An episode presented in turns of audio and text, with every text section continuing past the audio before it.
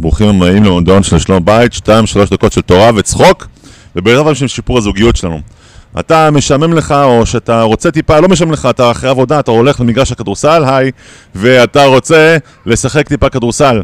יש כמה חבר'ה שם, יש כמה חבר'ה שמאוד מאוד לא יודעים מה שהם עושים שם, וכמה חבר'ה שהם אלופים, וחבר'ה ב, ב, ב, פחות או יותר ברמה שלך.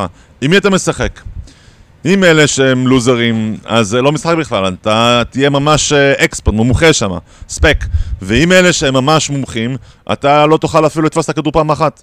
אז אם היית משחק עם אנשים ברמה שלך, כי זה האתגר, ונהנים מהאתגר. זה, זה העניין לזכור אותו. מאתגר נהנים. אוקיי, מה קורה עם האתגר בחיים שלך עכשיו?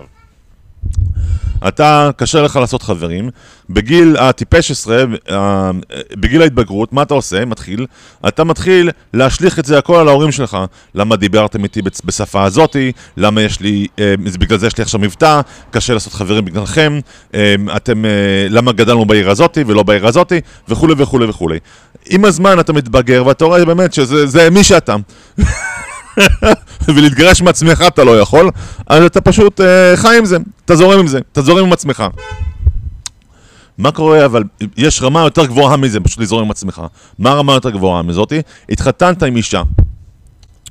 ונגיד שאתה דווקא מאוד חברמן, ולה קשה לעשות חברים. היא לא כזאת חברמנית, אוקיי? מכל סיבה שהיא. ועכשיו פסח. וליל הסדר, והיא לא רוצה לבוא למשפחה שלך, כי קשה לה, קשה לה בכלל, לא רק בגלל שזה פסח, ולא בגלל, קשה לה בכלל לעשות חברים, ולכן קשה לה למשפחה שלך.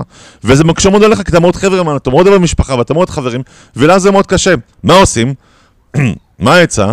אז עכשיו אתה קודם כל צריך לראות שהאתגר שלה הוא בעצם האתגר שלך.